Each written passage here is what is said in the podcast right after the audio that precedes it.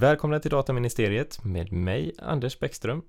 Och mig Filip Jonsén. Nu var det verkligen långsamt. Jag tränar fortfarande på det. Ja. Um, och, få, och, och, att få godkänt av, av min fru. Inte för att hon någonsin lyssnar på våra avsnitt, det, det har inte hänt. Jag berättade det, kommer du ihåg när jag berättade det för typ fem sex avsnitt sedan att jag hade spelat upp det på högtalaren hemma och alla bara Sluta by! Tråkigt! Ja, jag hörde ju faktiskt något liknande. Mina brors eh, barn sa, barn sa att de, vad heter det, de lyssnade på dataministeriet eh, när de eh, körde bil, men de fick stänga av för att det blev farligt, tyckte de. För att man somnade eh, eller? Ja, de, jag vet inte. Alltså, ja, man får väl liksom läsa mellan raderna på något vis. Nu har vi lite skatt här i bakgrunden för att vi har ju faktiskt två gäster med oss idag också. Anders, ja. ska du få presentera den här gången? Ja, men det kan jag väl göra. Idag så har vi med oss Henriette Weidmark och Lisette Jolin. Två dataskyddsombud och från myndigheter dessutom.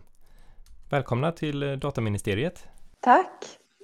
Mm, tack så jättemycket. Och till och med statliga myndigheter. Statliga myndigheter. Vi har E-hälsomyndigheten representerade och hur var det nu? Var det Pensionsmyndigheten eller var det... Exakt. Har jag liksom blandat ihop det här och sett Skatteverket också någonting? Ja, Skatteverket jobbar jag inte på. Alltså Pensionsmyndigheten är korrekt. Mm. Ja, det, då har jag bara Ja, jag vet inte var jag fått Skatteverket ifrån. Men det kändes som att det fanns ett samband där myndigheterna emellan. Men så kanske det inte var. Du har säkert fått deklarationsblanketter i dagarna. Det har jag i och för sig fått. Exakt. Ja, måste vara det. Så det, det enda man går och funderar på det är hela tiden. Hur man ska mm. deklarera, det är så himla jobbigt. Klick, klicka på en knapp. Ja, ja det är tufft. Men eh, välkomna ska ni vara. Jag måste ju först fråga här innan vi kommer in på övriga frågor. Men E-hälsomyndigheten, jag vet ju att de delvis sitter i Kalmar. Ja, det de ska ju vara flyttade dit, fast jag vet att det för, finns ett fåtal i Stockholm också. Var sitter du någonstans? Eh, jag är placerad i Stockholm, men eh, jag reser ju till Kalmar lite då och då när, eh, när det behövs. Men nu i och med pandemin så är det bara hemarbete som gäller för oss. Mm. Och hur, då måste jag fråga nästa fråga på, på Kalmar då eftersom jag har förhållandevis lokal anknytning. Eh, åker du Silverlinjen eller åker du tåg eller hur tar du dig från Stockholm till Kalmar? Eh, jag tar mig till Kalmar med flyg. Jaha, flyg, ja just det, det finns flygplats också. Kalmarflyg? Jajamän, det till och med, alltså det låter helt Till och med jag har flugit till Kalmar en gång. Ja, jättesmidigt. Gå så fort att ta sig till och från Kalmar. Ja, man hinner ju knappt eh, upp innan man ska ner. Precis.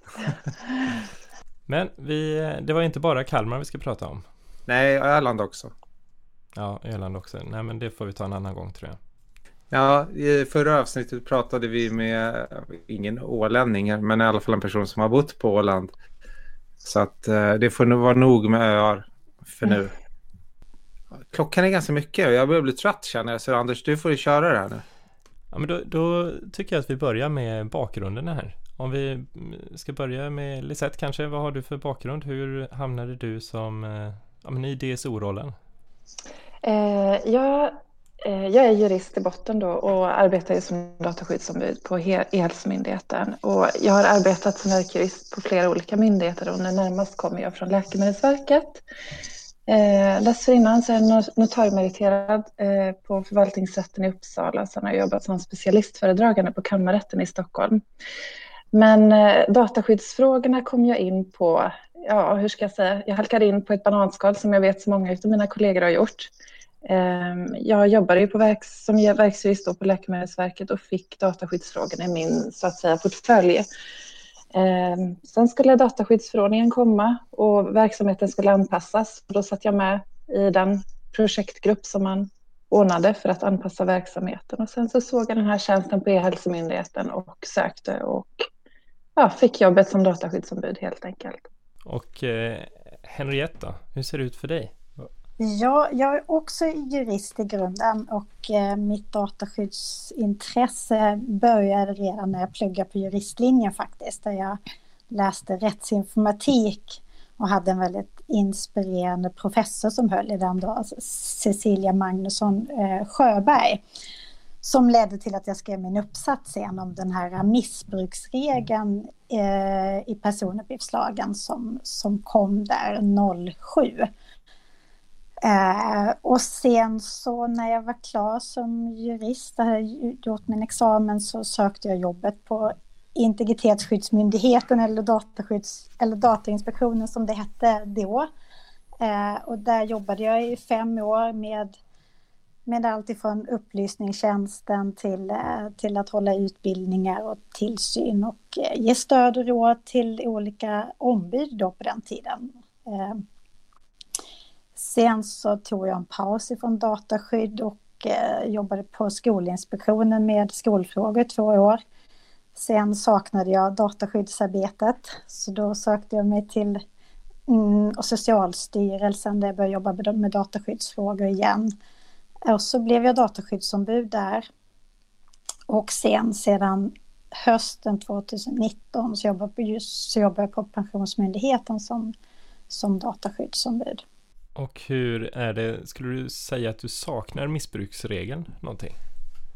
Alltså då kom den ju som en nyhet i svensk rätt, eh, en väldigt speciell konstruktion och då var ju, då var ju uppfattningen av att ingen följde liksom personuppgiftslagen och då tänkte man att den här missbruksregeln skulle liksom hjälpa till i det här ostrukturerade materialet. Så att, eh, ja, men jag tror att den var ganska bra i svensk rätt faktiskt. Liksom, eh, när jag sen jobbade på alltså Datainspektionen så var ju den man, alltså man tillämpar i ganska stor utsträckning på internetpubliceringar och sådana saker. Så att jag tror att den ändå fick upp liksom integritetsfrågorna på ett bra sätt.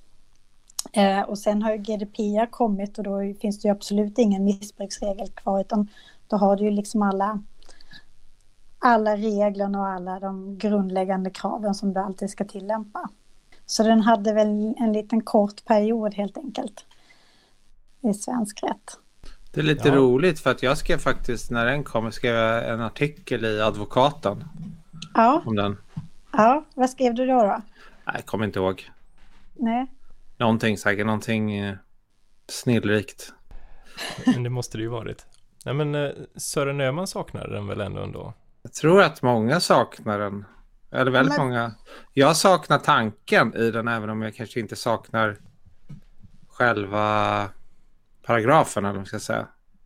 Ja, å andra sidan när man sen skulle tillämpa missbruksregeln så gjorde man ju alltid det eh, alltså mot de liksom grundläggande dataskyddskraven ändå för att se om, om det var en kränkning eller inte. Så att, så att eh, vet egentligen inte hur mycket lättnadsregel den egentligen var eh, i svensk rätt eftersom man ändå skulle tolka det i ljuset av direktivet och eh, hanteringsreglerna så, så, så tror jag att den blev ja, ett litet mellanläge helt enkelt. Vi, jag var inne på det när vi, i vårt förra avsnitt och eh, där vi även där, då hade en person som varit på myndighet och som sedermera gått över till den privata sidan. Ehm, eller andra sidan om man säger så i alla fall. Ehm, och hur har det varit eh, för dig Henriette som har varit på Datainspektionen tidigare att sen gå över till den mer ehm, ja, doer-sidan om man nu säger så då att eh, inte bara granska och se om vad man har gjort eller hur man har gjort det utan faktiskt komma på hur man kanske ska göra. Alltså tillämpa regelverket på alltså faktiska case och hitta lösningar. Det är ju det, är det som är det roliga med regelverket tycker jag. Eh, så att eh, eh så, så jag tycker att, eh, att det är mycket roligare att liksom vara på andra sidan än att, än att vara på tillsynsmyndigheten. Jag tycker att eh, verktygslådan är lite, lite trubbig där faktiskt. Så det blir ingen återkomst till IMY för din del? Nej, men det tror jag inte. Eh, nej, det blir det inte. Eh, däremot så har de ju ändrat sitt arbetssätt och jag tycker att deras beslut idag är ju väldigt pedagogiskt och utvecklande. Jag tycker att, eh, att eh, det, det, det är ett väldigt stort lärande de har i sina, i sina beslut idag. Det uppskattar jag väldigt mycket nu när de inte har så mycket av den liksom rådgivande rollen och inte kommer, kommer satsa så mycket på den så uppskattar jag de här eh, lite längre besluten och när de radar ut texten. Liksom. Och när det kommer ett beslut på en myndighet som det har gjort det, statliga myndigheter, det kom ju till, till exempel eh, polisen och kommunala myndigheter i, i, har vi också sett, till exempel där eh, omkring är det Skellefteå eh, och, och, lite andra beslut på myndigheter och, och halvmyndigheter och statliga eh, vad heter det, bolag och sånt där.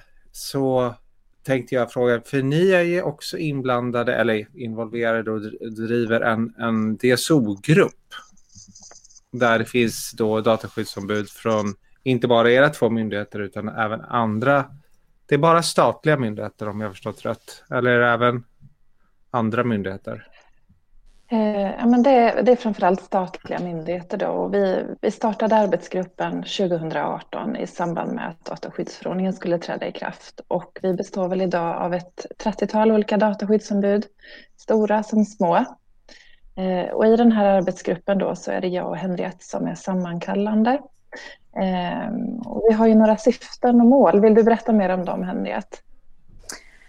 Ja, men det kan jag väl göra. Alltså, eh, vi, ju, alltså vi klassar ju oss som, som en arbetsgrupp och inte bara ett nätverk, utan det krävs ett visst åtagande. Så då har vi liksom stolpat upp eh, en del liksom mål med vår verksamhet och det ena är ju liksom kunskap och erfarenhetsutbyte. Vi ser ju att det finns ett jättestort behov av det. Vi, vi sitter ju oftast ensamma dataskyddsombud på våra myndigheter och har den ensamma rollen där vi är. Eh, och sen är vi inte ensamma personer utan vi är i ett sammanhang på våra myndigheter såklart. Men rollen har vi ju eh, ensamt. Och då finns det ju verkligen det här behovet att utbyta erfarenheter och kunskaper, att kunna, att kunna dela idéer och bolla, bolla i olika frågor kring rollen. Eh, så det är liksom både kring dataskyddsrollen men också kring eh, regelverket. Hur tillämpar ni det här? Hur, vilken rättslig grund använder ni för att registrera anhöriguppgifter? Eh, och, och den typen av erfarenhetsutbyte. Sen har vi ett an, ett annat syfte det, det, är ju att vi vill stärka dataskyddsombudets roll och, och liksom, eh, eh, uppdrag och konkretisera vad ett dataskyddsombud får lov att göra, vad ett dataskyddsombud ska göra och vad ett dataskyddsombud absolut inte ska ägna sig åt. Eh, för att hitta en samsyn kring, kring rollen och också för att vi ska kunna stärka varandra såklart. Att, eh, att, eh, att man ska känna att de bedömningar eh, jag har gjort delas av, av en massa andra dataskyddsombud och det kan finnas en styrka i det såklart. Sen har vi ett litet hybris-syfte eh, också. Det är ju att vi vill ju främja en dataskydds, eh, alltså kultur inom staten. Det är ju att, att vi tänker att genom att vi samverkar och är starka tillsammans och hittar synergier så kan vi också främja hur staten jobbar med dataskydd eh, på det sättet. Så det, är liksom, det är de tre pelarna som vi försöker jobba mycket utifrån. Så då har vi då har vi, alltså när gruppen bildades så det vi gjorde först då när den bildades det var ju att, eh, att säkerställa att dataskyddsombudet har goda rapporteringsvägar. Och där vi fastslog liksom att om man är en styrelsemyndighet så är det till styrelsen man har en rapporteringsskyldighet. Är man en enrådsmyndighet så är det till generaldirektören och är det en nämndmyndighet så är det till nämnden man, man, Eh, man rapporterar som dataskyddsombud. Och då gjorde vi också en hel del benchmark kring vad dataskyddsombudet organisatoriskt eh, var placerad i organisationen. Eh, alltså närmsta chefen eh, som hade personalansvar, hade den ett stort ansvar för personuppgiftsbehandlingar så skulle det då kunna innebära en intressekonflikt etc. Eh, så att eh, Eh, det gjorde vi från allra första början och fastlade det. Eh, och sen så nu så jobbar vi med ett, med ett dokument där vi egentligen går igenom artikel 38 och 39 och försöker konkretisera vad det innebär i praktiken utifrån ett, ett myndighetsperspektiv, utifrån vad myndigheter gör och vad som är vanligt förekommer. Vi är ju ganska liknande organiserade inom statliga myndigheter, hur man har avdelningar och hur man bedriver verksamheten. Så mm. det, finns, det finns ju väldigt mycket likheter. Eh, så lite kort om det då. Det, är, det är väl, väl, väldigt, väldigt intressant. Men när ni påbörjade arbetet um, var det väldigt stora skillnader i det organisatoriska och var man var placerad? Vad man vill placera... många tror jag är ju jurister eh, eh, i botten. Och många är ju organisatoriskt på rättsavdelningar. Det tror jag är det, det, mest vanligt förekommande. Sen så finns det ett gäng dataskyddsombud som är direkt placerade kanske under överdirektören. På Skatteverket är det ju så att det liksom är fristående eh, direkt eh, underställt eh, överdirektören. Och sen, alltså jag är ju placerad på en enhet på riskenhet heter det då tillsammans med andra mer självständiga funktioner och roller som då rapporterar direkt till generaldirektör och styrelsen i mitt fall då mm. eftersom Pensionsmyndigheten är en styrelsemyndighet. Eh, hur gör du Lisette? Eh, men jag är placerad under rätts, rättschefen eh, och jag tillhör då rättsavdelningen. Men jag tycker att eh, man kan se en liten trend nu inom vår eh, arbetsgrupp att många myndigheter börjar se över sin eh, placering av dataskyddsombudet och själva dataskyddsorganisationen. Ehm, och det är en intressant fråga tycker jag som jag tror vi kommer märka vid dataskyddsombud under det här året. Men det, eftersom jag också sitter i, liksom, bland juristerna, hur har ni mm. säkerställt att för juristfunktioner har ju ofta en stödjande funktion till verksamheten och, och mm. ge råd. Mm. Medan, och DSO ska ju också ge råd såklart, mm. det ingår ju i arbetet. Men hur har ni liksom säkerställt det på något sätt, ert oberoende ändå, eller är det mera underförstått? Jag tror en stor fördel och framgångsfaktor för mig i min roll som dataskyddsombud är att jag arbetar bara med som dataskyddsombud. Jag har ingen delad roll att jag också är jurist. Men den här gränsdragningen den är svår. Men jag tror att vi på E-hälsomyndigheten i vart fall har nått en samsyn var i vilka situationer jag ger råd och inte råd. Jag har haft mycket samtal både med juristerna ute i vårt verksamheten där vi gjort reklam för, ja framförallt min roll då. När kan ni vända er till mig? Jag kommer inte göra några ställningstaganden utan då får ni vända er till juristerna. Eh, men att jag håller utbildningar istället och informerar och så vidare. Eh, men jag tror man uppnår framgång om man är öppen och har en diskussion och att man är tydlig med att det här gör jag, det här gör jag inte. Men hur gör du, Henriette? Jag håller helt med dig där och det är väl det är klart att, att det kan uppstå liksom gränsdragningsproblematik liksom, och det beror på hur operativ liksom, dataskyddsombudet är. Jag vill gärna bli involverad tidigt i alla dataskyddsfrågor och sen vad, det det då? Eh, och sen så blir det liksom att jag väljer att prioritera utifrån det. Jag ska jobba riskbaserat medan alltså juristerna de ska ju in och, och stötta kanske mer hands-on och genomföra rättsutredningar om det behövs. Det gör ju, det gör ju till exempel inte jag utan, eh, utan där känner väl jag att jag som dataskyddsombud mest bevakar liksom ansvarsskyldigheten, alltså kan myndigheten visa på ansvar i de här frågorna? Har vi, har vi tagit ställning? Verkar de där ställningstagandena vara, alltså vara rimligt i förhållande till hur, eh, hur regelverket ska tolkas? Det händer ju att jag har en annan uppfattning än, än min myndighet i vissa frågor, men inte jätteofta egentligen. Eh, och det, så måste det också få lov att vara, tänker jag. Mm. Eh, det, det, det kan inte vara något konstigt att det är så. Och eh, finns det möjlighet att nämna någonting där ni har i alla fall kanske inte haft olika åsikter, kanske känslor, men där, där det har funnits en rejäl diskussion där, så här, där en, den ena eller andra antingen har man kommit överens om det eller så har man bara beslutat sig för att nej, vi, vi har olika uppfattningar.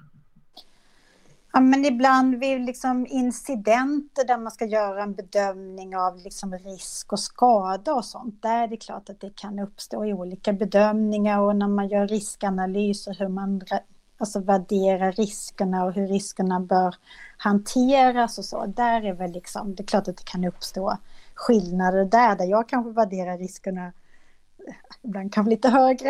eller, mm. eller liksom eh, så. Så att... Eh, och så måste det ju få lov att vara, tänker jag. Liksom. Men, men då är det ju att... Då är man ju dataskyddsombud och då är det ju det här att man, man har den här fristående rollen. Det är inte så här att någon annan kan eh, så här, övertala en att se att, att tycka någonting annat, utan där får man ju måna om den där självständiga rollen. Att, att jag gör de här bedömningarna på ett självständigt sätt och det, det är, helt, det är helt fint att det är så. Eh, och att det ska finnas en acceptans för att det förhållandet finns. Eh. Tar ni upp den här typen av frågor, eller gissar att ni gör det i arbetsgruppen, man kanske haft en incident och så säger man så här, ja men det här låg vi och funderade på. Tar man upp det då bland de, det är ändå 40 stycken, eller? Jag skulle säga att eh, jag, jag tar upp situationen när jag ser att en incident inte har hanterats korrekt. Att man kanske har missat att ja, men det här är också en personuppgiftsincident, vi behöver hantera det här på det här sättet. Um, den typen mm. av uh, ja, I, kommentarer brukar jag göra. I arbetsgruppen tar du inte upp det, utan du tar det väl upp internt? Internt, ja. För, ja. ja. Ni menar det i arbetsgruppen, ja. om det är de här fallen när man har diskuterat mycket internt för att benchmarka, eller som det heter på engelska, liksom, mm. hur tänker andra myndigheter kring det här? Jo. För det har man ju sett hittills, ja, men det, även om vi har haft GDPR i tre år snart, mm. Mm. så när det gäller just incidenter eh, tror jag det finns ganska stor variation i hur man tänker.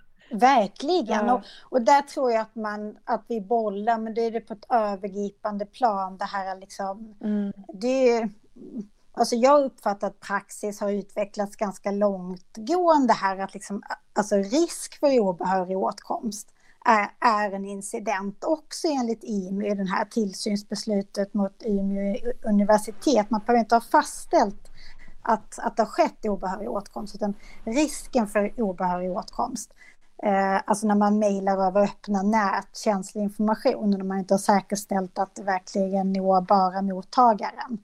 Eh, det bedömdes ju vara en personuppgiftsincident till exempel.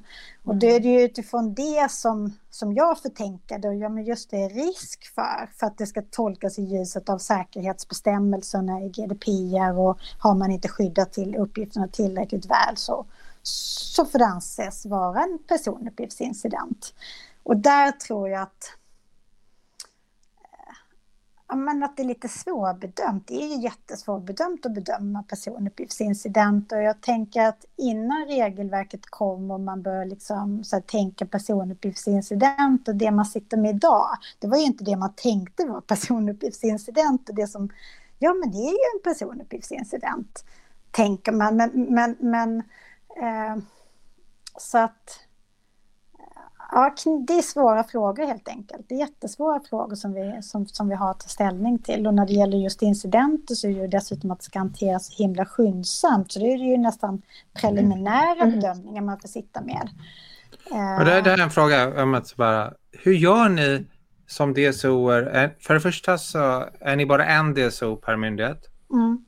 Ja. Och hur gör ni på helger, på semestrar och så vidare? Mm. Rent praktiskt. Jag vet, det här är en fråga som många uh, kämpar med. Ja.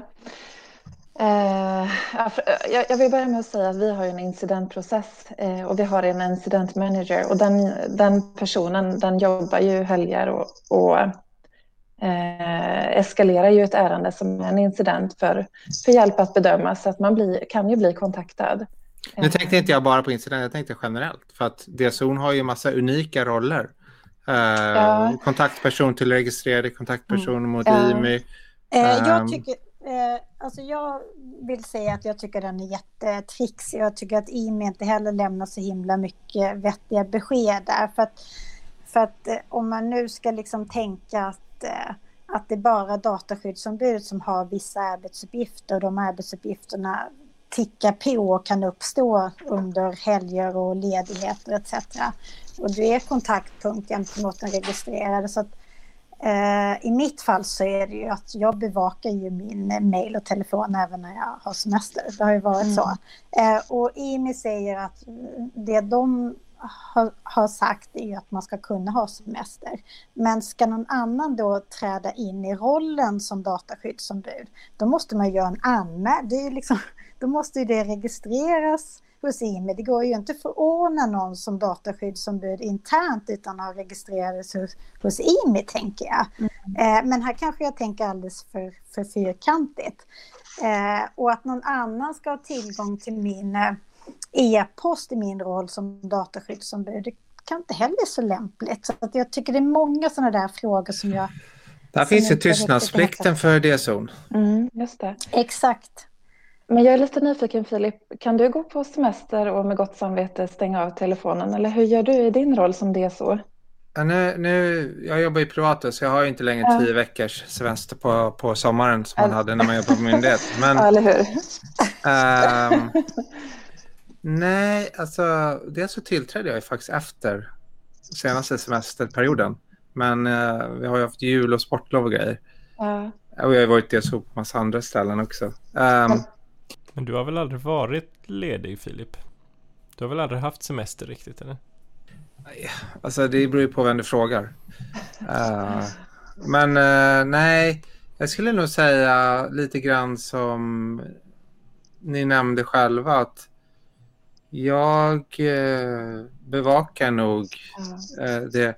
Dock med att jag ibland säger till organisationen att de här dagarna tänker jag inte mm. titta på det här utan kommer det in något då får, det, då får ni skicka ett sms till mig. Så går jag in och tittar men mm. uh, det blir nästan ohållbart uh, att titta hela tiden. Men en sak som jag, och det gäller inte bara på semestern, jag har inga pingar på mina på telefonen eller så. Mm. Så att jag måste alltid gå in aktivt och titta i min mm. mailkorg. Ingenting mm. händer på min skärm eller så. Det, det skulle bli väldigt stressad av. Sms mm. har jag ju det på eftersom det, då skulle jag se om, det, om, det, om någon hör av sig säger att det har kommit in en jätteincident eller det har kommit mm. in ett brev från IMU som, som vi vill att du ska läsa. Eller... Mm. Men jag håller med, det är, det är en jättesvår fråga och mm. Eh, en, en av de frågorna som, som jag tror kommer utvecklas i, i det hänseendet är att om man pratar med till exempel, du nämnde ju incident manager, mm. uh, man kanske har en SOC, man kanske mm. har IT som har uh, backup. Det är ju att väldigt många funktioner har ju olika typer av tillägg för att ha jour eller bakjour eller att man jobbar konstiga mm. tider. Mm. Det har jag upplevt att när det gäller DSO och jurister då bara förväntas man att ställa upp i alla fall. Mm. Att, mm. att man bevakar, mm. som du nämnde, telefonen varje dag på, på semestern.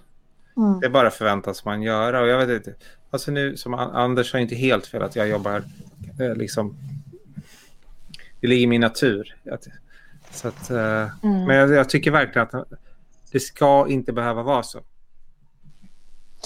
Nej, alltså jag, jag störs väl inte jättemycket av att liksom kolla mejlen en gång om dagen när jag är ledig, liksom om jag bara är ute på landet. Men om till exempel skulle jag åka till tredje land och ta med mig min utrustning, då kanske det blir annorlunda. Jag är lite nyfiken på det nu när du ändå tog upp det. För du nämnde, Lisa, att du nämnde att du jobbade hemma. Och jag, ja. eftersom, jag måste ändå fråga så här, för jag har funderat jättemycket på det här med, ja. med säkerhetsklassade tjänster, hur det har funkat i pandemin. Kopplar man ja. upp sig VPN med sin egen dator eller liksom äh... åker folk in till kontoret? Röksignaler. Precis, vi skickar brev, hur gör ni? eh, nej men vi kopplar upp oss på VPN, eh, det gör vi. Ja, men det var bara det jag undrade. Jag, undrade, nej, men jag funderade nämligen på om det var hans liksom, nej, men nu blir jag alla... nyfiken. Hur, hur gör ni då? Nej, jag, jag har jobbat fast, hemma hur länge som helst. Fast det är inte så här att men det är ju inte så att man liksom har åtkomst till vilken information som helst på sin dator hemifrån. Så att, eh, så. Eh. Jag har inte tillgång till innehållet i de register vi satt att förvalta på E-hälsomyndigheten hemifrån. Utan, mm. ja, Nej, nej, nej, nej men jag, det, var, det var ungefär samma då. Men jag var ändå så lite nyfiken om att man typ tvingades in till kontoret. Och det, i, i viss mån gör man det då. Om man måste ja, jobba finns... med de typen av frågorna, då måste, får man Precis. åka dit. Mm. Ja, det finns exempel på det också såklart. Ja. Då får man ha någon typ av eh, bubbla runt sig. Det är, det är Seinfeld-referens. Ja, jo, jag tänkte också på Bubble Boy. Finns det någonting som ni känner att uh, i den här arbetsgruppen, för det är den jag, jag är väldigt mm. intresserad av den, för jag tycker det är otroligt bra initiativ. Jag tror att en fråga är så här, om vi har någon lyssnare som ännu inte är med, hur gör man om man vill gå med och man är på en statlig myndighet? Uh, ja, Eh, Eh, vi är ju en jättepoppis arbetsgrupp får vi vara tydliga med. Det är många som hör av sig till oss och då, då hör de av sig per mail till mig eh, eller till Henriette. Eh, och sen kommer vi informera vad vi kräver om man får uttrycka sig på det sättet. Att det är ett aktivt deltagande, det är inte bara ett nätverk utan man förväntas bidra till den här arbetsgruppens att uppnå dess syfte och mål. Känner ni till andra liknande arbetsgrupper, eh, till exempel på kommunala sidan eller på vad det nu kan finnas?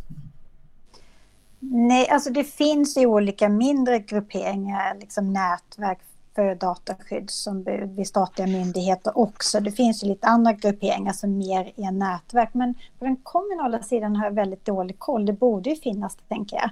Mm. Uh, men brottsbekämpande myndigheter har väl något också, eller hur? Mm, ja, absolut. Och, och de ingår i vår arbetsgrupp också. Eh, okay. så att, eh, alltså jag tror att de som är aktiva, de är med precis överallt. Liksom. Mm. Det brukar ju vara så. Är man engagerad i frågorna så ser man ju till att, att vara med på ett hörn ungefär överallt. Liksom. För att det är ett sätt att, eh, det är ett sätt att, eh, att utveckla sig själv och liksom lära sig mer. Vi har ju jättemycket att lära oss av varandra. När vi har utvärderat vår arbetsgrupp som vi gör lite då och då om vad vi tycker funkar och vad som har funkat mindre bra. Så där, då, då är det ju alla som säger liksom att att, det är den äh, bästa arbetsgruppen. Ja, men verkligen. Men alla, alla är så bjussiga men man håller fortfarande ganska...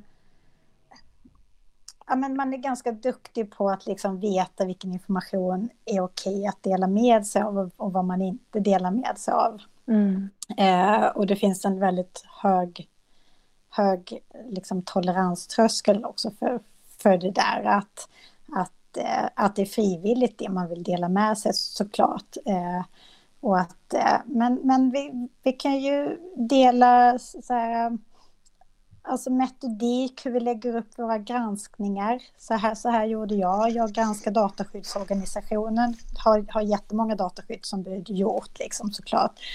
Eh, och då blir det ju värdefullt för andra dataskyddsombud att, att, eh, att ta efter eller, eh, eller tänka lik, i liknande mm. banor och så.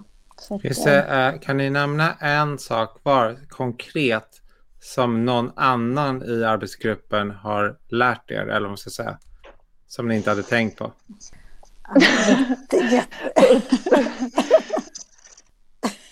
Bara helt plötsligt så kan vi ingenting. Eh, det är kanske ni som är stjärnorna, det är ni som delger alla andra. Nej, men vi brukar säga att man ska inte vara rädd för att blotta sin okunskap. Det känns lite som att det är det jag i vart fall sitter och gör här. Men det är klart, vi lär oss jättemycket hela tiden. Man får inspel, andra vinklar. Eh, det bidrar ju till att man i sin roll utvecklas så att absolut hela tiden. Jag kan inte peka på något konkret. Kan du det, Henriette? Nej, men vi har ju försökt att dela metodstöd för konsekvensbedömningar, liksom vanliga risker och riskbedömningar, konsekvenser för den registrerade risk, konsekvens vad orsaken kan, kan vara så här på generellt plan. Liksom. Mm. Det, det, är klart att det blir väldigt användbart för alla i gruppen. Kan det vara så att ni pratar om eh, rättsliga grunder någon gång? För ja, men det, oh, det pratar vi jättemycket om. För vi, vi, vi kan ju liksom inte använda eh, intresseavvägning som, som den privata sfären Juhu! kan göra. så att, eh, då, då är det ju att man får knö in allting i allmänt intresse blir det ju då. Mm. Och, då och då behöver du ha någon typ av stöd i lagstiftning på något sätt. Och där mm. finns det väl förarbetsuttalande som säger att om det en mer härmlös personuppgiftsbehandling så, så behöver stödet i nationell rätt inte vara lika, eh, lika konkret och, och specificerat som om det är en mer omfattande personuppgiftsbehandling och så. Så det är klart att vi, den typen av frågor bollar vi hela tiden. Vi försöker hitta det här stödet för anhöriguppgifter och då har vi hittat någon föreskrift från, från eh, Arbetsmiljöverket tror jag, så, som, som vi då eh, försöker eh, liksom. Eh, så att, och det är ju jättevärdefullt. Eh, hur man ska se på eh, alltså fackliga organisationer liksom verkar inom våra myndigheter, men de är ju ett eget organ liksom. Och hur ska man se deras förhållande till myndigheten när de använder liksom IT-utrustningen? Så det finns ju eh, någon av frågorna, nu, eh, vi har ju varit med ända sedan start, men det har ju inte alla dataskyddsombud. Så, så man ser ju liksom att vissa frågor kommer igen. Och då är det ju lätt att, att snappa upp liksom. Ja, men just nu, here we go again, liksom. Nu behöver vi... Fast då har jag, jag har en konkret fråga.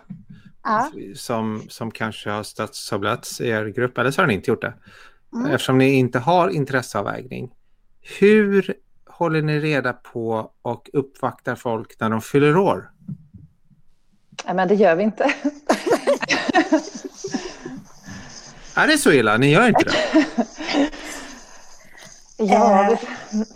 För det har ju da datatillsynet gick ut och sa att det kan man göra på, på uh, rättsliga grunden um, intresseavvägning. Ja, mm. och där, där har vi också en diskussion inom arbetsgruppen, det här med intresseavvägning. Och då står det ju när man utför sina myndighetsuppgifter så kan man inte använda den. Och kan man då använda intresseavvägning, alltså när man agerar likt vilket företag som helst. Eh, så. Och där finns det väl olika olika skolor och olika tolkningar kring om man vågar använda intresseavvägning i de situationerna eller om man försöker ändå hitta någonting kopplat till det allmänna intresset. Eh, så den typen av, av diskussioner förekommer också såklart. Så Men det ni, blir... ni kan gratulera varandra? Ni, ni kan liksom titta i HR-systemet, Filip fyller år 28 oktober. Vi, vi skickar lite blommor till honom. Det, det... Ja, alltså jag kan ju se att min myndighet gör det där och jag, det är ingenting som jag... Och det gör min det... myndighet också. Det, jag Ja, men det låter betryggande. Jag får, jag får nog säga att jag blev lite besviken ändå. Jag tänkte att det här, när det kom upp med allmänt intresse, att jag såg framför mig hur hela arbetsgruppen var samlad i stort sett och man bara med handuppräckning fick ställa frågan eh, hur pass allmänt man tyckte att intresset var i gruppen. Eh, det hade jag tyckt varit både kanske lite mer Ja, det hade kanske löst saker lite lättare om man kunde göra det så enkelt och det hade framförallt sett mycket roligare ut tänker jag. Men hur tänker man där kring, eftersom jag är privata och har varit i privata ända sedan förordningen kom, det här med allmänt intresse. Är det någonting som myndigheter använder ofta? Mm. Absolut, det är ju typ den rättsliga grunden man använder. Sen använder man ju myndighetsutövning också ibland och ibland finns det rättsliga krav. Så det är, så det är liksom det, det är de tre. Eh, samtycke ser jag nästan ingenting av. Det kan vara som en integritetshöjande åtgärd men då har du en mm. annan rättslig grund i basen liksom, och är mm. tydlig med det. Så att, eh, det Avtal gissar jag? Inte så mycket. Anställda? Liksom, nej. nej. Nej, alltså det är inget Nej. avtal. Det är liksom ett ensidigt utfästelse från en myndighet att anställa en medarbetare. Mm. Ah, sen, sen, sen tror jag Överklagbart va? Ja, överklagbart mm. dessutom. Liksom. Eh, så att där är det ju inte avtal. Det kanske kan vara avtal kopplat till vissa förmåner möjligtvis. Eh, eh, så här bil, bilförmån och sådana saker. Men det har jag lite dålig koll på faktiskt. Eller mm. det kanske reglerat i kollektivavtalen. Och då är det arbetsrättsliga förpliktelser. Ja, nu spånar jag bara högt här. Ja. Mm. Det, är bara, eh, det är bara myndigheter som ger sina anställda bilar nu för tiden. Ja, fast jag tror inte att det är så vanligt förekommande heller. Jag vet inte var jag fick det ifrån. Men eh, det finns ett så här terminalglasögon och sådana saker som man får bedöma. Det, det är det, det jag har. Ja, härligt. Men det, det är så mycket liksom när man ska genomlysa alla personuppgiftsbehandlingar i, i det här registret som man ska hålla. Eh, det, det blir ju... Det blir ju På små tal om register, hur Mm. har ni liksom byggt upp era register likadant inom arbetsgruppen? Jag antar att ni har pratat om det, eller har ni valt olika sätt? Man kan ju välja att det finns många olika sätt. Man kan välja på ändamål, man kan välja på processflöden. Mm. Eh, Jag, jag skulle säga man kan vä- välja på system om man har färre system. Alltså, finns det, kan ni berätta någonting om det? En diskussion som vi har fört eh, om registerförteckningen är ju hjälpmedel. Vi har använt som en benchmarking, vilka använder Excel? Det finns ju andra verktyg på marknaden, hur man använder det. Och jag kan ju också se en tendens från att arbetsgruppen har gått från kanske från informationstillgången till att gå mer mot behandling. Vilka behandlingar förekommer i det här programvaran eller vad det nu kan vara. Men det ser lite olika ut. Ehm. Eh, jag tycker det där är jätte, jättesvårt och väldigt liksom, knivigt eh, att bryta ner en personuppgiftsbehandling. Det, som, det rådet som Integritetsskyddsmyndigheten gav mig när jag ställde frågor till dem, eh, det var ju att, man, att ett sätt är ju att använda sig av, av arkivlagstiftningens eh, alltså klassificeringsstruktur. Mm. Alltså hur man klassar allmänna handlingar, de här olika ärendetyperna, att det kan vara ett sätt och det är ju det som IMI gör, vad jag kan se i vissa delar i deras registerförteckning. Det är ju att liksom tillsynsärenden, klagomålsärenden och så har de ju liksom särskilda eh, eh, alltså nummer i diariet så att säga, att det är ett sätt att gå. Eh, och det är den vägen vi också har valt på, på Pensionsmyndigheten i den mån det är möjligt. Sen ibland så blir det ju eh, mm, och system och ibland så blir det nästan Excel-filer som man får anmäla in. Liksom. Vi har de här olika statistik, Excel-filerna när vi tar ut på personalstatistik från lönesystemet till exempel och så Mm. bryter man ner det så. Men det är ju, jag tycker att det är väldigt trixigt det där att hitta en bra nivå. Det är ju det här, um, regelverket är så teoretiskt så det ska liksom in i, prakt en praktisk verklighet hela tiden. Och hur ska man bryta ner en personuppgiftsbehandling på ett bra sätt i registerförteckningen så att den ändå blir begriplig för den som ska liksom visa på ansvarsskyldigheten. Det finns, inget, ehm, det finns ingen statlig generell upphandling på verktyg eller? Nej. Nej. inte vad jag känner till. Nej. Nej. Och jag, då måste jag ställa en följdfråga på den där statistiken. Varför är den inte anonymiserad? Vad sa du? Ja, du alltså, nämnde att ni har personuppgiftsbehandlingar för att ta fram statistik. Det låter ju som att man Det- skulle kunna anonymisera eller pseudonymisera den typen av uppgifter. Absolut, och det görs ju också, men när den här liksom, ursprungsfilen ska plockas ut ifrån eh, eh, löneadministrativa systemet, då, då är det ju det i det första skedet och sen så, så blir det ju såklart så att det liksom Det är en utmaning att ofta att förklara för underleverantörer tycker jag, eller leverantörer att säga att jo men anonymiseringen i sig är en behandling. Mm. Mm. För de tror så här, ja men vi kan använda era uppgifter när de anonymiserar. Bara, Nej, det kan ni inte alls göra för ni Mm. kommer aldrig kunna få dem anonymiserade från början. Nej, Mm. exakt. En, en, en utvikning. Ehm, Anders, Mm. vad eh, har du frågor kring arbetsgrupp? Eh, du jobbar ju inom en helt annan industri. Har ni också arbetsgrupper för dataskyddare? Nej men eh, om det finns en sån så är inte jag med den. Så hör av er till Anders. Ja. Han saknar Ja, er. Ja. hör vill ha av er till kompisar. mig om det är så. Annars så får jag upprätta en Jag vet att det finns till exempel på mitt område. Vi, Klarna är ju inte med i bankföreningen, men jag vet att bankföreningen har ett DSO, jag vet inte om det Mm. heter nätverk eller arbetsgrupp eller vad det kan vara, något liknande i alla fall. Så det finns ju massa olika sammanställningar. Vad är Forum för dataskydd där jag sitter i styrelsen? Får jag pusha lite för det? Men eh, Mm. där blir ju, jag tror att det ni har skapat ger mycket mer pang för pengarna i de reella frågorna man faktiskt sitter med till vardags. Mm. Än där i Forum för dataskydd blir ju mer de stora penseldragen ofta. Mm. Mm.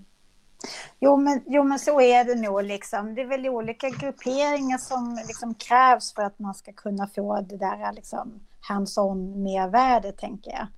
Eh, att det är det och sen också att bygga upp relationer är jätteviktigt. Att man känner förtroende för varandra och att det ska vara lätt att, att kontakta varandra. Och det, det, tar ju, det är inte någonting som bara finns ifrån början utan det är någonting man etablerar över tid. Eh, så. så Men har ni alltså- konferenser alltså, och grejer eller hur går det till? Alltså nu är det pandemi men jag menar. Vi, vi ses ju digitalt numera. Eh, tidigare har vi träffats ja, regelbundet. Men inga konferenser på det sättet som jag tror du tänker på. Jag vet inte vad jag tänkte på att man ses en dag och, och pratar om olika frågor. Men sen statliga uh. myndigheter finns ju liksom. Jag har ju själv jobbat på en i Karlskrona. Det finns ju i Sundsvall, Stockholm. Mm. Uh, Gud vet ja, Men uh, halvdagar har, har det ju förekommit att vi har sett så. Mm. Och, och sen så hörs vi väl liksom löpande däremellan också såklart om någon mm. ja, men har snappat upp någon ny vägledning någonstans eller ett intressant tillsynsbeslut ifrån uh, någon europeisk uh, dataskyddsmyndighet som, som är värde för gruppen så, så, mm. så mejlas ju det såklart. Har ni eh. kontakter med, vad kul att du nämnde för jag tänkte fråga det, utländska myndighets-DSOer? Nej, inte i vår arbetsgrupp. Okej, okay, eh, men utanför att... arbetsgruppen? Alltså jag tror på, på det, eh, det brotts, eh, alltså brottsutredande myndigheter, där tror jag att det finns etablerade kontakter. Jag är lite inne på att jag vill göra det inom mitt område, andra pensionsmyndigheter ute, ute i Europa för att se hur dataskyddsombuden arbetar där skulle vara otroligt spännande. Men än så länge har jag inte tagit någon sån kontakt. Men, men det är också hur, hur man praktiserar den här rollen som dataskyddsombud. Avviker det ifrån hur, hur man gör ute i Europa? Och när man, när man tolkar de här riktlinjerna från EDPB, när man pratar om dataskyddsombudet och deras grupper och precis som att liksom att man kanske är mer operativ där än, än vad kanske de tolkningar vi har gjort här i Sverige, att man, att man har den här rådgivande och övervakande rollen. Eh, man kanske, det här ordet att det heter dataskyddsombud här i Sverige och det, liksom den engelska eh, termen är ju liksom lite annorlunda och innebär det då att det finns en annan roll kopplat till det där. Det skulle vara intressant att Eh, utifrån ett myndighetsperspektiv då såklart och se hur, hur dataskyddsombud arbetar i andra europeiska mm. Hur skulle du länder. tolka det för att till exempel jag är dataskyddsombud anmäld till IMI fast jag är data protection officer i och med att vi har engelska som konsernspråk. Mm. Jag har aldrig ens funderat på att det, att det fanns en skillnad i det. Men det kanske det gör. Eller det ska ju inte finnas en skillnad, tänker jag. Alltså, det är ju det är samma regelverk, det är bara en svensk översättning på, på, eh, på ordet, så att säga. Men jag gissar att det är ombudet du tänker på, ordet ombud, officer. Ja, ja. ja. och officer är ju någonting annat, det är inte ombud liksom. Eh, så att... Och det är väl sådana diskussioner vi har i arbetsgruppen då också. Alltså var går gränsdragningarna kring att vara dataskyddsombud? Hur pass mycket stödjande kan man vara? Hur mycket operativ kan man vara? Eh, hur mycket liksom, ledande kan man vara? Liksom, eh, eh, I förhållande till så att, det, så att det inte blir en intressekonflikt med med grunduppdraget. Var går gränserna där någonstans? Eh, väldigt spännande och där tror jag att det här att övervaka regelverket eh, innebär det alltid då granskningar. Eh, övervaka kan man ju säkert göra på ett annat sätt än genom regelrätta eh, alltså granskningar. Eh, det övervaka tänker jag att man kan göra, det gör man genom att komma in tidigt i alla dataskyddsfrågor för att där se hur funkar det i praktiken. Här verkar det funka ganska bra i denna processen så då behöver jag kanske inte vara så involverad här, då kanske jag ska mer jobba här istället. Och det är också en slags liksom övervakning men inte lika tydlig som kanske en granskning är. Mm. Eh, så att jag, tror de här jag tror de här begreppen och hur man, hur man lägger upp arbetet som dataskyddsombud, att det måste finnas en ganska stor frihet i det här ändå. Att man ska hitta vad funkar på min myndighet och, och eh, hur, hur säkerställer jag att kraven efterlevs på bästa sätt här? Det kan säkert se väldigt olika beroende på var man är någonstans. De här 40 personerna, för ni jobbar heltid som dataskyddsombud båda två. Men hur ser det ut i, i övrigt? Eh, ja, eh, jag skulle väl säga att många har en delad roll, att de jobbar både som jurist och som dataskyddsombud. Eh, men jag ser att det är en förmån att få jobba bara med dataskyddsfrågorna för att undvika de här intressekonflikterna och gränsdragningsproblemen som uppstår i och med att man har en delad roll. Och det har vi också exempel på eh, i diskussioner vi förs, hur, hur man ska hantera det, den problematiken. Och, och då, hur kan man göra då? För att ge lite råd till de som lyssnar. Om man har en delad roll. Försöka att inte, ja det är ju jättesvårt, men är du dataskyddsombud och jurist, att du inte tar på dig frågor som direkt har med dataskydd att göra. Och det, det är ju jättesvårt, men att ha en tydlig avgränsning i din roll när du jobbar som jurist det var ja, det ganska tror... smart faktiskt. Det inte... fick jag lära mig något också idag. Nu jobbar jag ju heltid så det spelar inte så roll. Men ja. just det att man, att man ska försöka helt andra arbetsuppgifter mm. då, så att man verkligen är tydligt. Men sen finns det ju i arbetsgruppen representerat myndigheter som har en jurist och då är den eh, dataskyddsombud också. Då blir det jättetydligt vilka svårigheter som, eh, som finns för den och sen så tänker jag så här att, att allt blir ju dataskyddsfrågor. Så det är väldigt, det är väldigt, väldigt svårt att jobba som eh, att jobba överhuvudtaget och inte ha med dataskyddsfrågor att göra. Det är ju det som, som genomsyrar våra verksamheter i väldigt stor utsträckning. Men det är klart att liksom, du kan ju behandla personuppgifter och mejla även om du Även om du kanske inte jobbar med liksom rättsutredningar kopplat till, till eh, dataskydd. Så. Men, men jag tror att är det så att man ska ha en annan roll också, då måste man fundera på vilka arbetsuppgifter man då har. Eh, och så får man göra en bedömning, finns det en intressekonflikt givet detta? Men sen också behöver man ju hålla det här levande kring hur mycket ska man vara dataskyddsombud och vilka behov har myndigheten? Är, är det rimligt att man har det på deltid? Är det rimligt att bara ha ett dataskyddsombud om det är väldigt mycket högriskbehandlingar som egentligen statliga myndigheter ägnar sig åt? Det är ju mm. högriskbehandlingar. Vi, vi behandlar oftast eh, liksom hela befolkningen. Det är oftast väldigt mycket uppgifter om varje individ. Och det är väldigt ofta dessutom känsliga personuppgifter.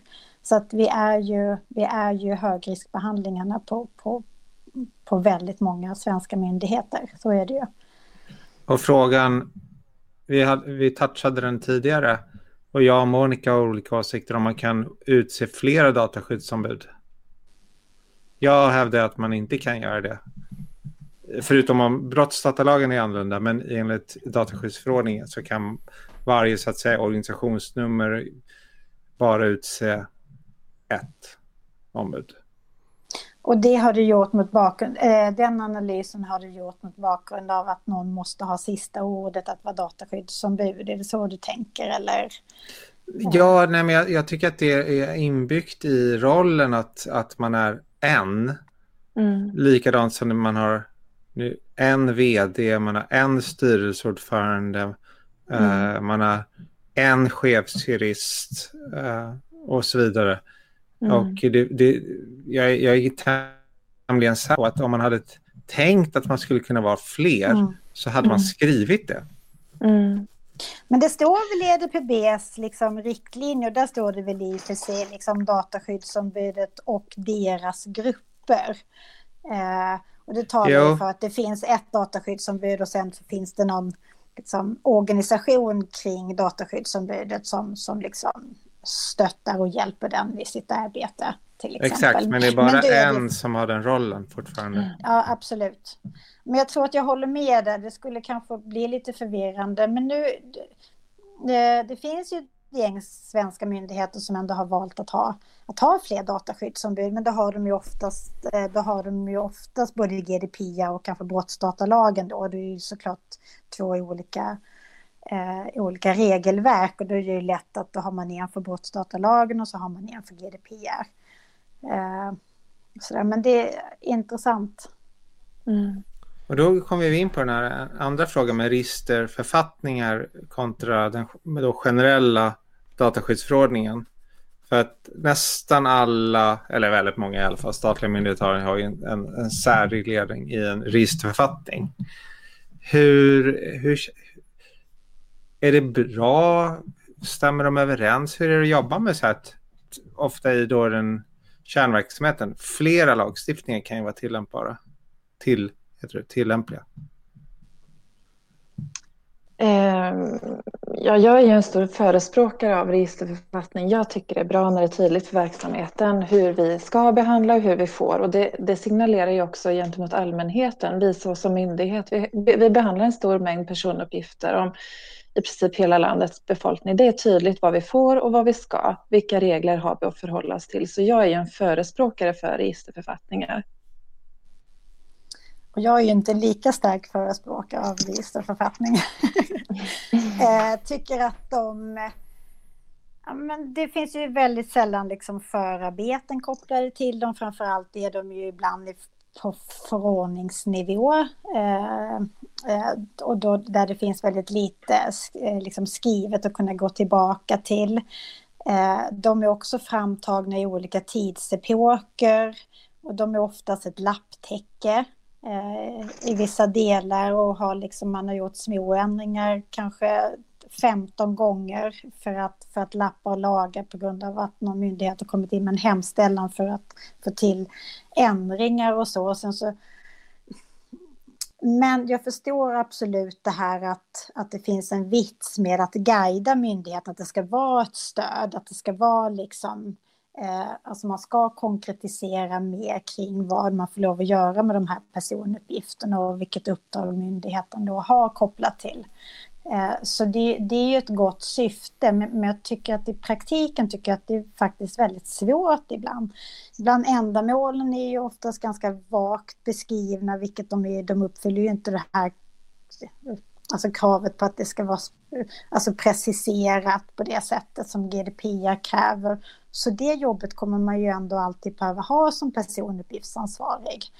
Eh, och sen så tycker jag att det inte alltid att det fångar allt det man egentligen måste göra med personuppgifterna. Och då blir man så här, men vadå, får vi inte lov att göra det när det egentligen kanske är ganska givet att det är det vi också måste göra. Så jag tycker att ibland att det kan uppstå en viss osäkerhet också, kanske lite i onödan. Eh, men sen vet jag inte om något annat alternativ egentligen är bättre då. Många laborerar med att om man i myndighetsinstruktionerna skulle liksom Alltså vara tydliga med att ange myndighetens uppdrag eh, och att man då skulle liksom haka upp personuppgiftsbehandlingarna tydligare gentemot det. Men då skulle man ju då å andra sidan inte ge så mycket stöd kring exakt vad det är man tänker sig för typ av personuppgiftsbehandlingar. Så att jag, det är lite olika vågskålar i det där tycker jag. Eh, det, är det fortfarande det... så att det finns, eh, det var ju så länge sedan jag jobbade med de där, men att det fortfarande finns att registerlagstiftningar som gäller istället för och utöver? I, i, ibland behöver man väl traska både från liksom GDPR till liksom dataskyddslagen och sen eh, eh, så behöver man traska till registerlagstiftningen och sen så behöver man jämföra dataskyddslagen och registerförfattningen eh, och hur, hur deras förhållande är sinsemellan. Så det är väl liksom lite blandade känslor till, till registerförfattningar helt enkelt. Eh, vissa jag är ju själv, alltså, det är inte bara nu ska vi säga så här, registerförfattningar i den bemärkelsen som vi pratar om nu gäller ju myndigheter men sen finns det jag menar jag är i en verksamhet där vi har det är så mycket författningar och föreskrifter och, och grejer att där det också här och där i en artikel eller paragraf står någonting om behandling. Ja, men det är alltid från penningtvättslagstiftning, bokföringslagstiftning, eh, kapitaltäckningsregler. Alltså hur mycket regler som helst att hålla, förhålla sig till. Så egentligen, jag skulle nästan känna så här, tänk om det fanns en registerlagstiftning för banker. Mm. Mm. Det hade varit nice. Mm. Och som konkretiserar alla de andra kraven och kring då kopplat till hur ni får lov att hantera alltså personuppgifter för att också uppfylla de där andra kraven att det ska stå i balans med varandra. Ja, men ja, generellt. Jag menar visst, penningtvätt, det där står det ju uttryckligen vad man får behandla och så vidare, vilka uppgifter man ska göra mm. för, för kundkännedom och hit och dit. Mm. Men jag menar, verksamheten består ju bara till en mycket, mycket liten del av att förhindra penningtvätt eller men till exempel i registerförfattningen skulle det kunna stå någonting om, om eh, bedrägeriprevention som inte idag står. Det står i förordningen, dataskyddsförordningen i, någon preambel eller i någon skäl där någonting om, om bedrägeri, mm. att det är tillåtet. Eh, men ja, det väl varit nice att kunna ha det svart på vitt, så här, det här är det ni får göra. Mm. Mm. Och sen om man märker att det inte funkar, ja då får man ju gå till, till om det skulle vara bäst med en förordning och inte en lag, alltså en svensk förordning, så att regeringen skulle kunna ändra det. Eh, och det som är lite mäcket också med registerlagstiftning, det är ju liksom när man alltså, gjorde den här översynen med anledning av att GDPR skulle börja gälla i svensk rätt, så var det ju en ganska snabb översyn man gjorde. Vilket som också när du är personuppgiftsansvarig och, och, och då, då är det ju liksom GDPR är ju bindande för alla medlemsstater. Så då är det så här, jag tänk om vi har nationella regler som, som alltså där det kanske finns en konflikt däremellan för att, för att man gjorde ett ganska, ett ganska snabbt arbete och gjorde såklart det bästa utifrån de förutsättningarna som, som fanns då.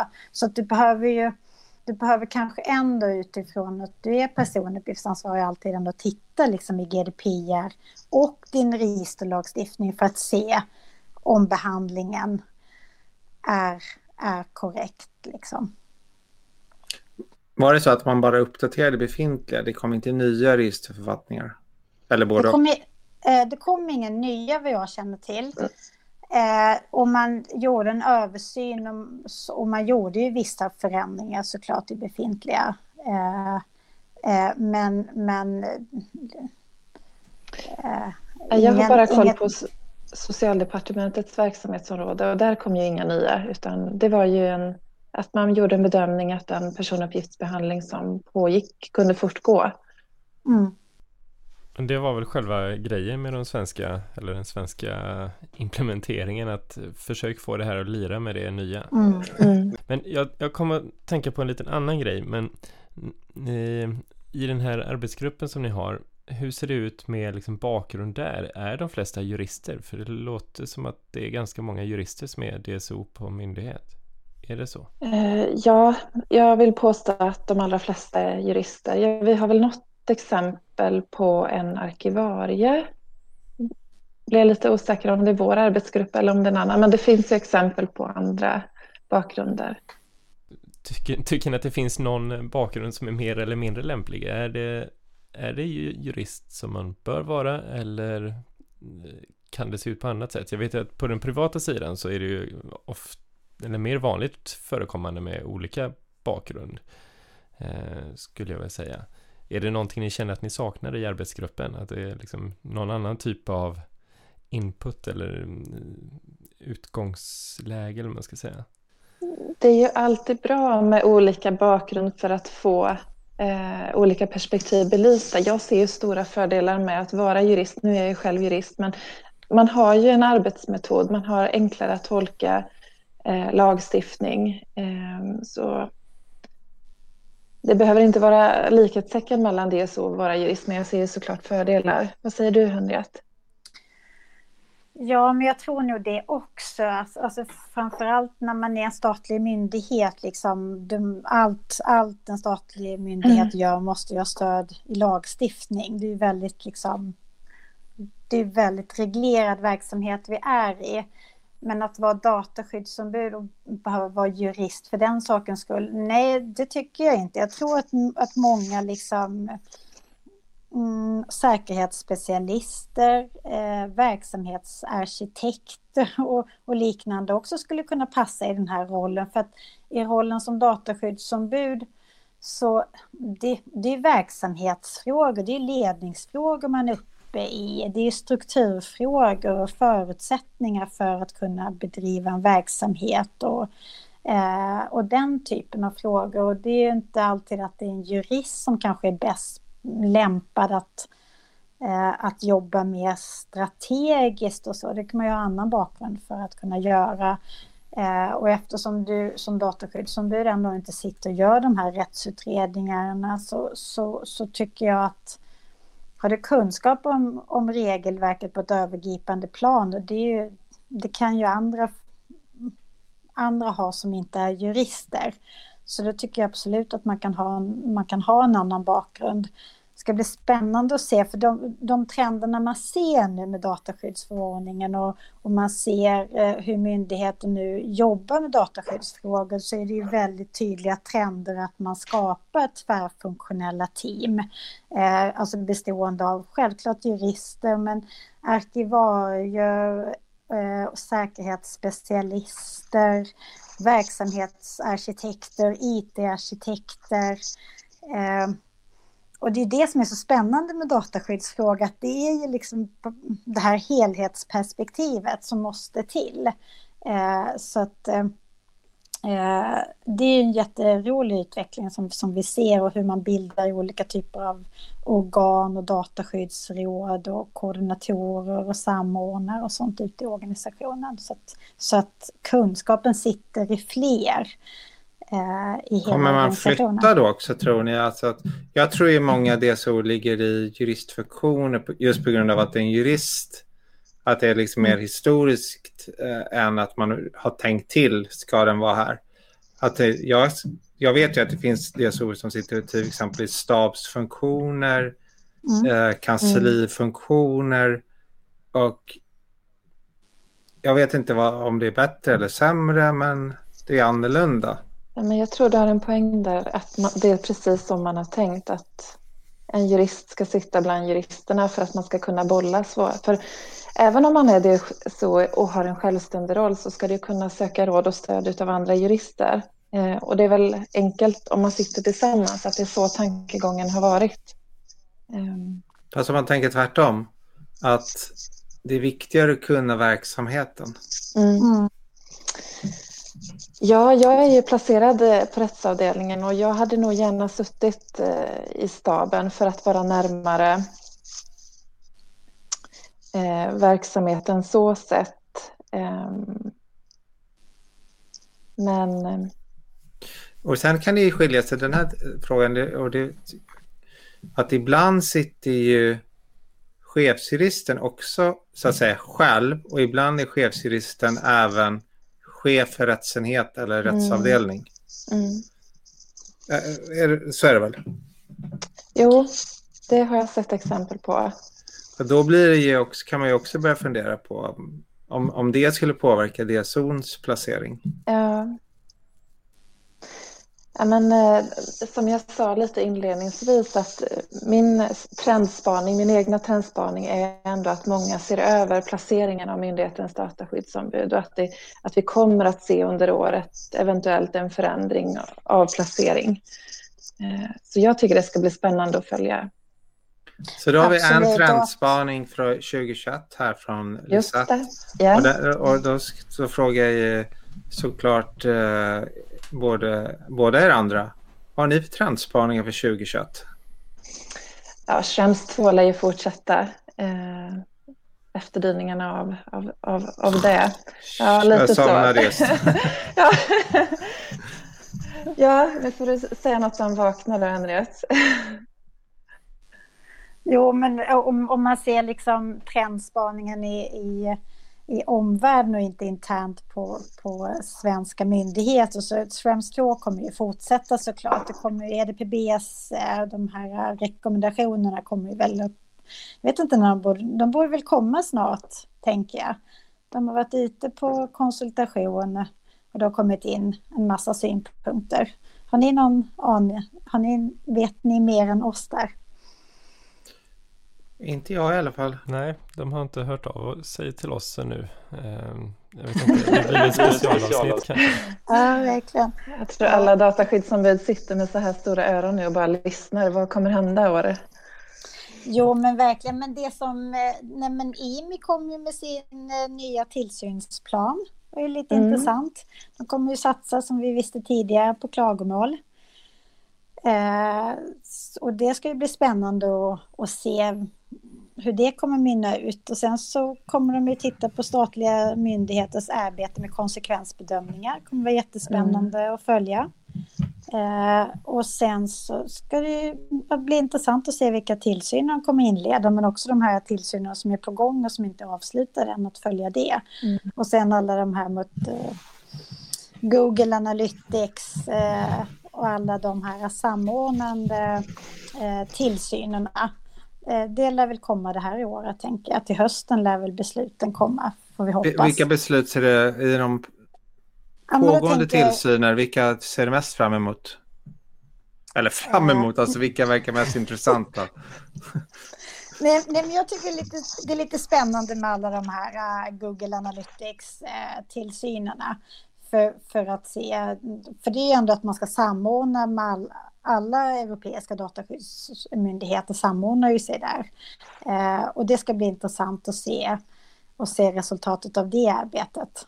Eh, Och hur blev det, var ni med häromveckan när det blev den här mediagrejen kring statliga myndigheter och IP-adresser som skickades eh, utanför EU och allt det där? Vi var inte en av de myndigheterna. Jag menar i arbetsgruppen, blev det någon så här eh, fråga eller nej? Nej, utan Absolut. bara den här nyheten skulle jag vilja säga. Hur det, ja. Jo, men absolut. Men det, det finns ju myndigheter eller, som, eller dataskyddsombud som ingår i, i, i det som uppdagas i samband med det där. Eh, så det ska bli, bli intressant. Det var ju någon som anmälde sig till Integritetsskyddsmyndigheten som personuppgiftsincidenter då. Det är Mm. intressant att se. Än så länge har det inte blivit så mycket tillsyn med anledning av, av anmälda personuppgiftsincidenter. Det kanske blir en spaning det här i året. Se om Integritetsskyddsmyndigheten inleder fler tillsyner med anledning av anmälda också- incidenter. Man kan också tolka det som att de som anmäler incidenter, att de sköter sig, att när man får en incident så vidtar man allt väldigt bra åtgärder. Mm. Mm. Ehm, och, och liksom rättar upp det som blev fel, eller man ska säga. Och då finns Mm. väl egentligen ingen självändamål att inleda en tillsyn. Eller hur? Absolut, jag håller med. Anders, trendspaning. Ska jag behöva komma med en trendspaning igen här nu? Ja, den här veckan också. Ja. Nu har det gått en ja, vecka. Ja, jo men precis. Äh, men, ja, nu har jag liksom inte så mycket bättre grejer att fylla på med. Ehm, Ska du byta Ehm. tapet under 2021? Nej, inte under 2021.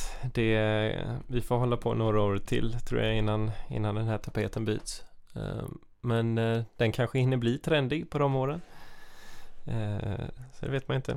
Nej men jag, jag eh, har väl lite jag kan nog inte lägga till så mycket annat eh, vad gäller de här tillsynerna. Jag tycker liksom att jag skulle gärna se att det kom någonting annat som fick folk att börja prata liksom mer alltså, förstå mig rätt, men dataskyddsfrågor på riktigt än Schrems 2 grejer och bara tar ilandsöverföringar för jag tycker att det är så fruktansvärt tråkigt.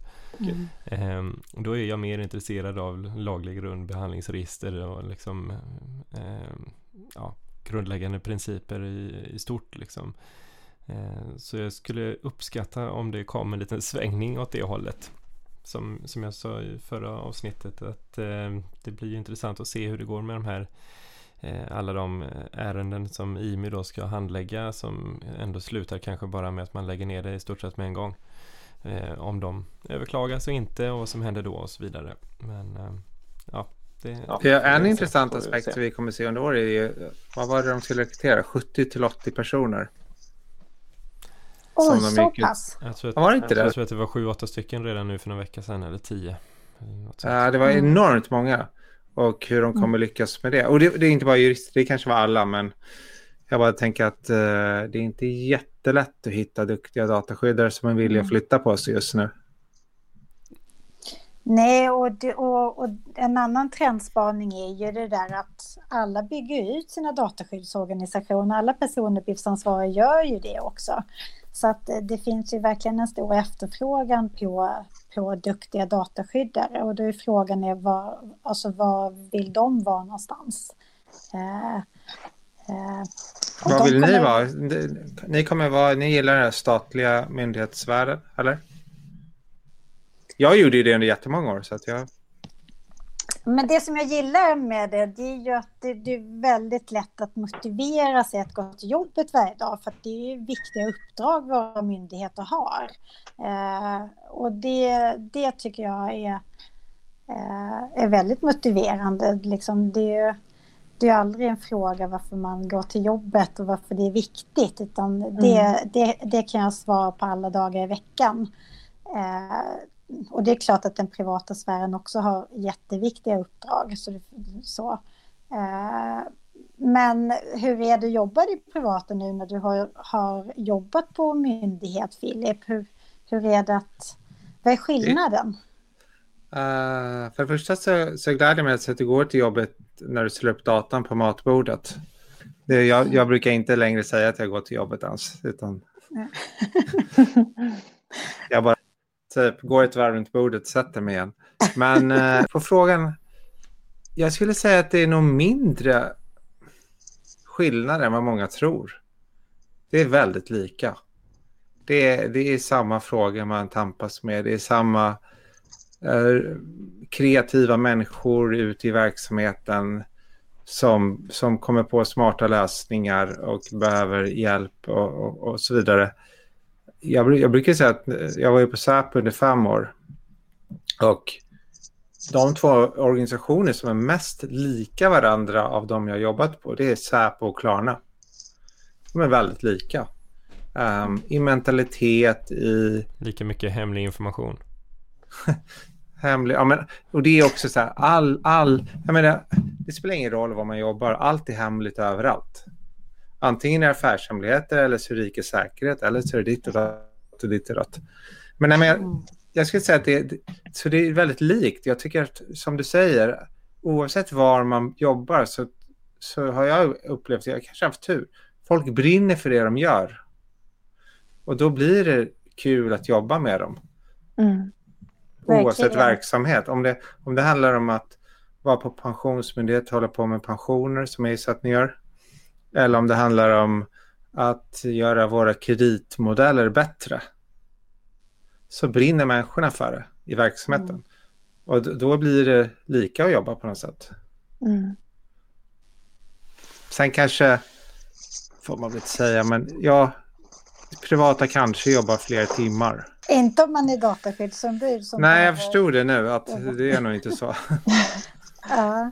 Så jag kan verkligen ja. rekommendera att, att byta detta. Att, att, och jag tycker även arbetsgivare, jag har ingen inblick i det, men att vara öppna för att man kan Hittills har det varit lite så här klassiskt, så här, antingen är man myndighetsspåret eller så är man privata spåret eller så är man kanske advokatspåret om man är jurist. Men jag tycker precis som med domaren där man öppnade upp för att många mera kompetens. Jag tycker mycket mer utbyte skulle, tror jag.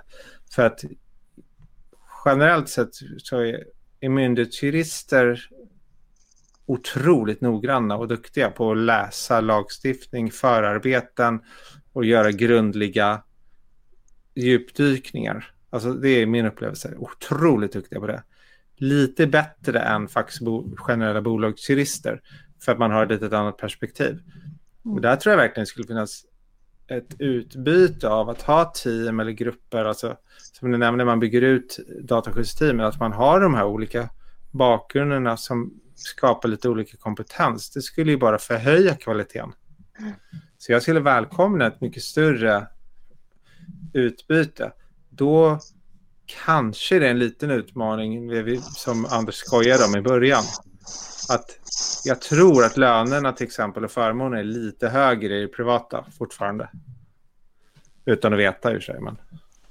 Fast när det gällde liksom dataskyddsombud vid den här uh, undersökningen som Forum för dataskydd gör, den här årliga lönebarometern, ja. då, då såg det ju ganska bra ut för statliga myndigheter, eller för min, mm. på myndighetssidan också.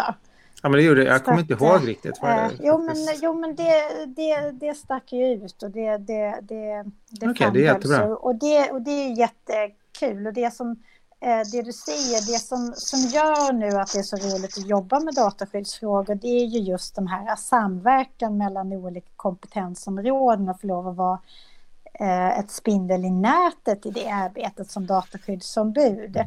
Eh, det är ju jätte det, det är jättestimulerande.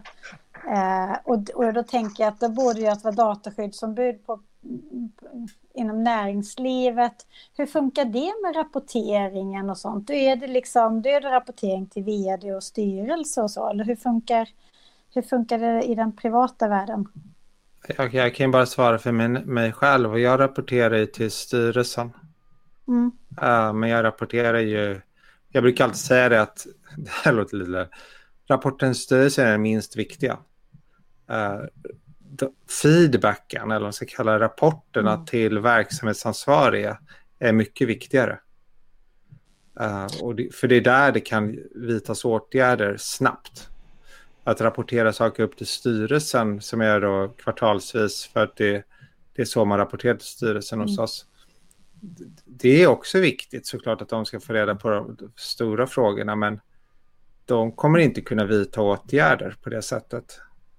Så jag tror att man har lagt för stor vikt vid att prata hela tiden om att Åh, alla DSO måste rapportera till styrelsen, högsta förvaltningsorgan. Ja, fast den mycket viktigare är väl det där att, som man berättar för den som är processägare. Så här, den här processen verkar vara lite korrupt. Mm.